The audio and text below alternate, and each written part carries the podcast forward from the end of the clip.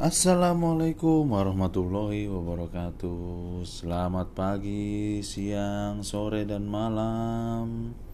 Selamat datang kembali di Poritela Sebelumnya gue mau disclaimer lagi ya Podcast ini hanya untuk kesenangan gue pribadi Dan berbagi cerita tentang pengalaman hidup gue. Jadi jangan terlalu banyak berharap sama podcast ini. Dan bagi kalian yang mendengarkan Mudah-mudahan relate dan bisa diambil yang baiknya. Selamat mendengarkan.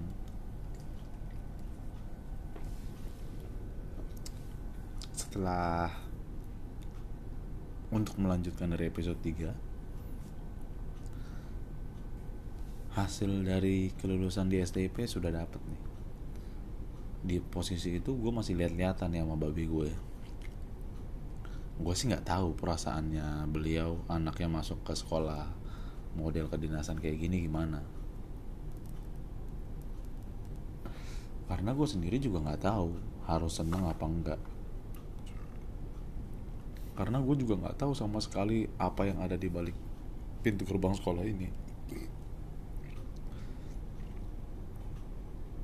Apa yang bakalan sekolahnya lulusnya jadi apa gue belum tahu.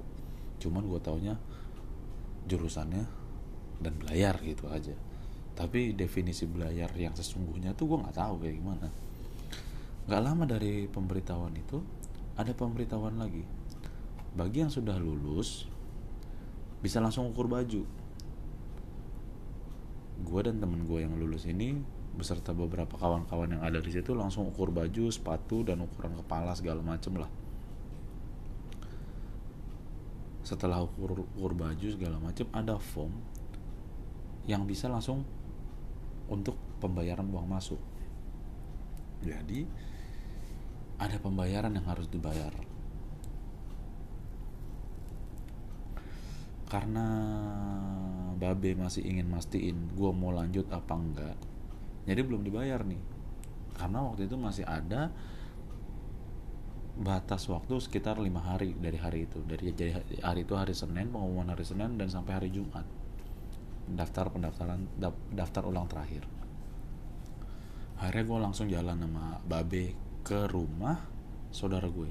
Saudara gue ini adiknya opung gue di kampung di Medan di Sigambal nah opung ini namanya opung embak bukan nama aslinya tapi nama julukan. Julukan dari gue dari abang gue almarhum sama adik gue si Anggi. Opung embak kenapa dibilangnya opung embak karena beliau salah satu se salah seorang perwira polisi. Jadi karena dulu kita tahunya polisi punya tembakan, jadilah dipanggilnya opung embak. Kalau nggak salah, beliau terakhir itu jabatannya kombes sebelum pensiun. Melati tiga, melati tiga itu kalau nggak salah kombes nggak tahu kalau sekarang namanya apa ya. Dan opung embak ini ternyata punya histori historinya dia sebelum masuk Akmil beliau pernah masuk ke AIP AIP itu nam, nama dulunya STIP jadi sebelum jadi STIP namanya AIP Akademi Ilmu Pelayaran. Beliau sempat di sana setahun. Tapi karena satu dan lain hal gue juga nggak tahu permasalahannya apa beliau mengundurkan diri dan akhirnya masuk Akmil cerita yang gue tahu kenapa dia bisa masuk AIP karena dia adalah tim polo air Medan dulu. Karena dia tim polo air Medan jadi dia langsung direkrut lah sama AIP untuk masuk AIP tapi karena ya itu tadi yang gue bilang gue nggak tahu kenapa akhirnya dia nggak ngelanjutin. Dan beliau ikut di angkatan 12 waktu itu di rumah opung embak udah ada emak gue. Jadi kita di sana tuh pengen mastiin keyakinan gue untuk apakah melanjutkan di STIP atau tidak. Karena sebelumnya Opung Embak ini pernah nawarin bukan nawarin sih menyarankan coba ikut Akmil atau Akpol. Gue nggak mau. Ya menurut gue sih nggak cocok aja gitu loh dan beliau pernah menyarankan mencoba untuk ngambil kedokteran. Coba dia ambil kedokteran aja di universitas swasta di Jakarta. Karena gue yakin di universitas negeri gue nggak bakal masuk gitu loh untuk ambil kedokteran. Dia nyuruh untuk ngambil di swasta. Tapi gue bukannya nggak mau. Gue hanya sadar kemampuan otak gue tuh ya standar-standar aja lah rata-rata air. Jadi agak berat kalau untuk menghafal dan ngambil jurusan kedokteran gitu loh. Gue sadar diri.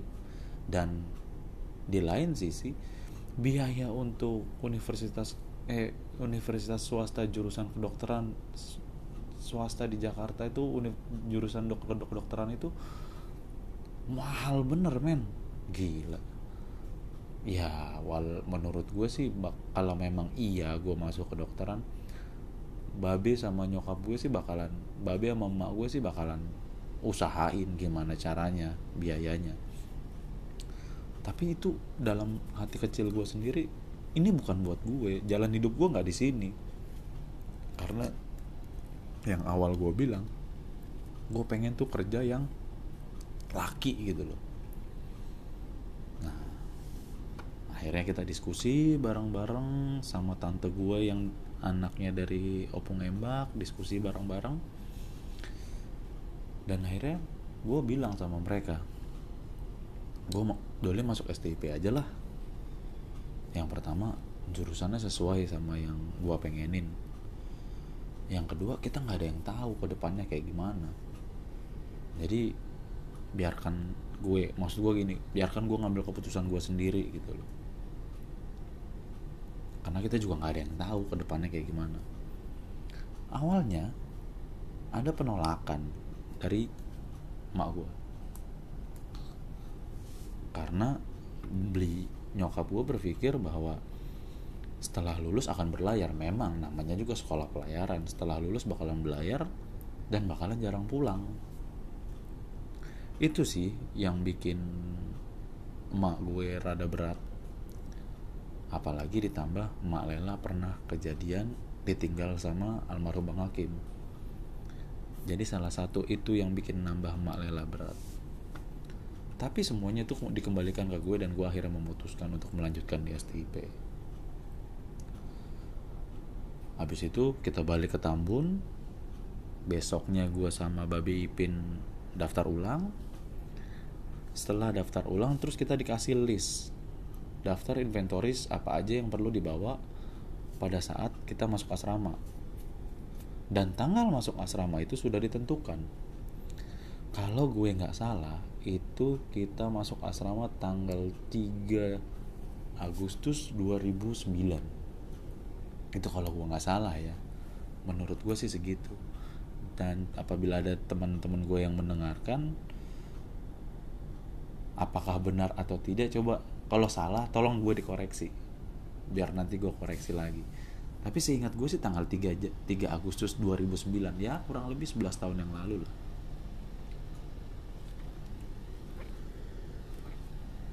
Jadi gue sama emak gue tuh mulai menyiapkan barang-barang yang dibutuhkan untuk masuk asrama. Pada saat itu gue lupa. Lupa apa gue punya pacar apa enggak ya? Bentar bentar tapi sebenarnya mak ingat. Tapi untuk menjaga keutuhan rumah tangga saya saya memilih lebih baik tidak ingat. Karena nanti bini gue bisa ngamuk kalau dia mendengar saya membahas masa lampau. Ya enggak lah. Ya lebih baik nggak usah dibahas lah balik lagi ke cerita awalnya jadi ini barang-barang udah mulai lengkap nih. Dan info punya info ternyata gue tuh tiga bulan di asrama. Nggak bisa keluar dari asrama nggak boleh megang handphone nggak ada komunikasi sama orang luar. Orang rumah atau orang luar lah. Jadi bener-bener diisolasi selama tiga bulan.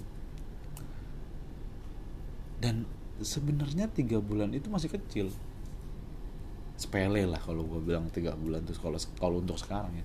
Karena coba lu bayangin dengan masa covid kita sekarang ini kan kita lagi musim wabah nih. Wabah covid 19 dari perusahaan gue ya ada gue kan gue sekarang lagi on board posisinya. On board itu berarti posisi gue lagi di kapal. Dari perusahaan gue ada regulasi yang tidak memperbolehkan kru untuk keluar atau pesiar atau meninggalkan kapal. Jangankan untuk meninggalkan kapal, kita interaksi sama orang luar aja bener-bener di restricted untuk menjaga agar kapal tetap clean, tetap bersih, tidak ada yang terjangkit COVID. Apabila ada kru salah satu kru yang terjangkit COVID, nah bubar tuh operasional. Banyak regulasi-regulasi atau banyak yang harus dikerjakan dan itu bisa membuat mendelay operasional kapal. Jadi kita benar-benar stricted regulationnya itu. Jadi nggak bisa namanya pesiar. Ya untuk kebutuhan sehari-hari ada supplier kapal. Jadi ke supplier yang ditunjuk sama kapal yang boleh hanya boleh untuk uh, yang boleh untuk mensuplai bahan-bahan ke kapal jadi ngelantur tuh masalah covid. Tapi ya itu kalau cuma tiga bulan menurut gue kecil. Coba lu sekarang lu bayangin gue dari Maret sampai Oktober belum pernah nginjek darat. Di kapal aja. Ya itu yang gue rasain sekarang. Tapi gue fine fine aja. Buktinya malah kreativitas gue ya bukan kreatif sih. Gue bisa bikin podcast ini untuk mencoba menjalani hal baru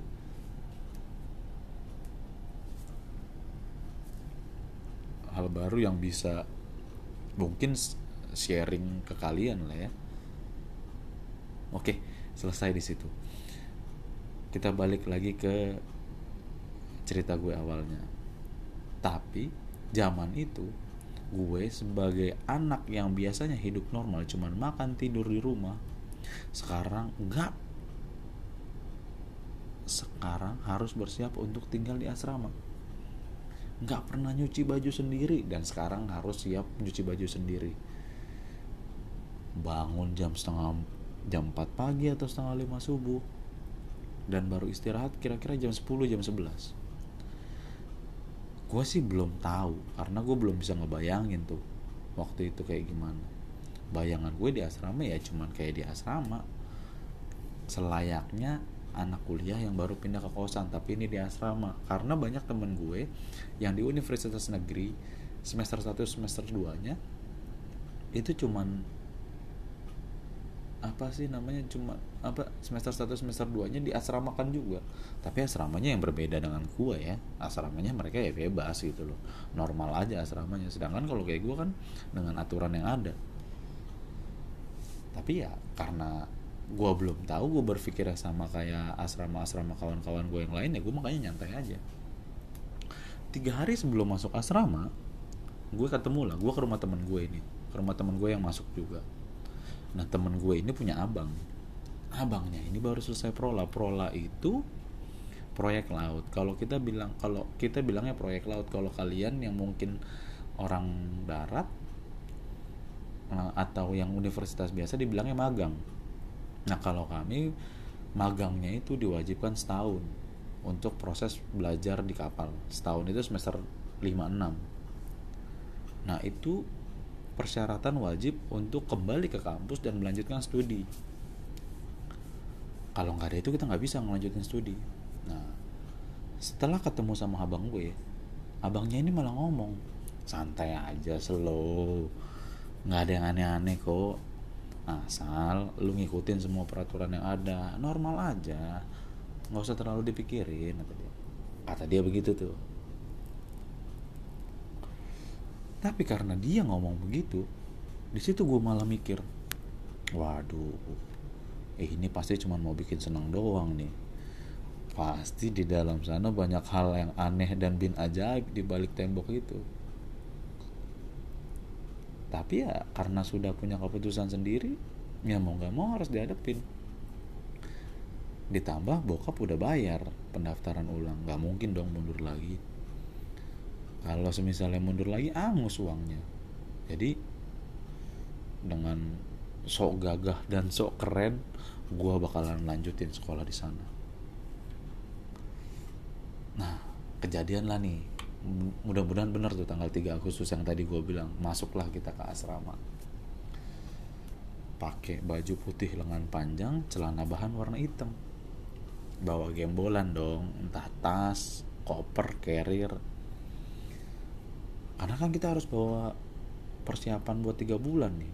Kayak ember sabun gayung odol gigi sikat gigi cukuran jenggot itu semua harus dibawa kita cuman bisa diantar sampai gerbang samping. Gerbang samping itu depan-depanan sama sport hall. Ya karena setelah kita dilepas sama orang tua kita dikumpulin di sport hall untuk data ulang. Dan di situlah mulai kehidupan di STIP sebenarnya itu masih normal. Jadi kita dikumpulin semua dimasukin ke sport hall per jurusan nautik teknik KTK anak teknik itu rata-rata sering di tengah karena diapit sama antara nautik dan KTK kita di tengah. Pertama yang gue lihat ada 20 tukang cukur. Mungkin lebih kali ya. Tapi yang gue inget ada 20 tukang cukur di situ. Yang standby untuk menghabisi rambut calon taruna calon taruna ini. Jadi namanya taruna baru masuk ke asrama kan rambutnya masih banyak yang gondrong tuh. Ada yang rambutnya masih belah tengah ada yang rambutnya udah polem tahu polem poni lempar begitu zaman 2009 coba poni lempar tuh masih ada zamannya poni lempar. Nah. Jadi kita udah bersiap nih. Jadi bagi yang rambutnya masih panjang ditunjuk maju. Cot. yang lucunya dalam waktu 30 detik satu anak itu sudah bisa botak satu mili tadinya gondrong tadinya masih ada rambut. Dalam waktu 30 detik mungkin gak nyampe 30 detik. Langsung botak dong satu mili. Jadi serong serong serong serong serong botak cabut. Nah, setelah melewati tukang cukur ini kita dikumpulin lagi tuh. Terus kita dibagi kalau kita bilangnya dormitory kita dibagi ke beberapa beberapa dormitory. Untuk tinggal satu atau untuk catar ada lima dormitory. Lima dormitory ini dua lantai. Ada lantai satu dan lantai dua. Ting catar atau tingkat satu berada di ring satu. Karena kita di sana memiliki dua ring.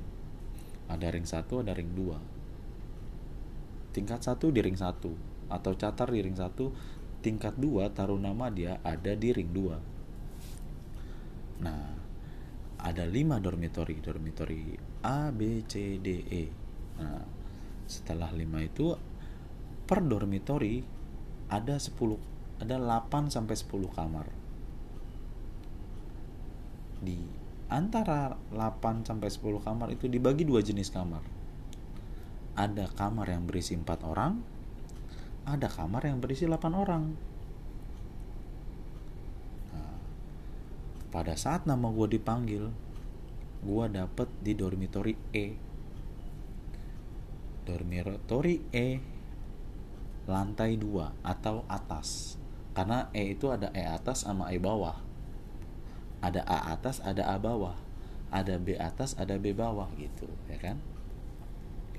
Jadi yang gua gua itu masuk ke dormitory E atas. Jadi gua jalan lah gua ke E atas. Di E atas itu setiap kamar sudah ditempel namanya. Nama gue ada di kamar nomor 9 jadi kamar 9 itu kamar paling pojok sebelah kamar mandi.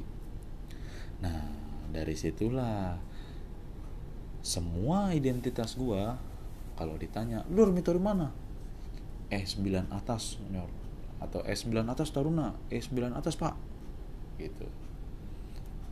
Atau kita biasanya singkatnya itu dibilangnya E-gari E9 atas ring 1 gua berkumpul dengan tujuh orang. Di sana jadi kita cuma tujuh orang. Ya itulah mulainya mulai gua masuk ke asrama di sekolah tinggi ilmu pelayaran. Nah untuk cerita selanjutnya bakalan gue bahas di episode selanjutnya. Terima kasih sudah menonton. Oh iya apabila nanti ada yang mau ngasih saran atau kritik coba aja langsung ke Instagram gue di Dolly Ferdiansyah sebelumnya terima kasih banyak sudah mendengarkan. Sampai jumpa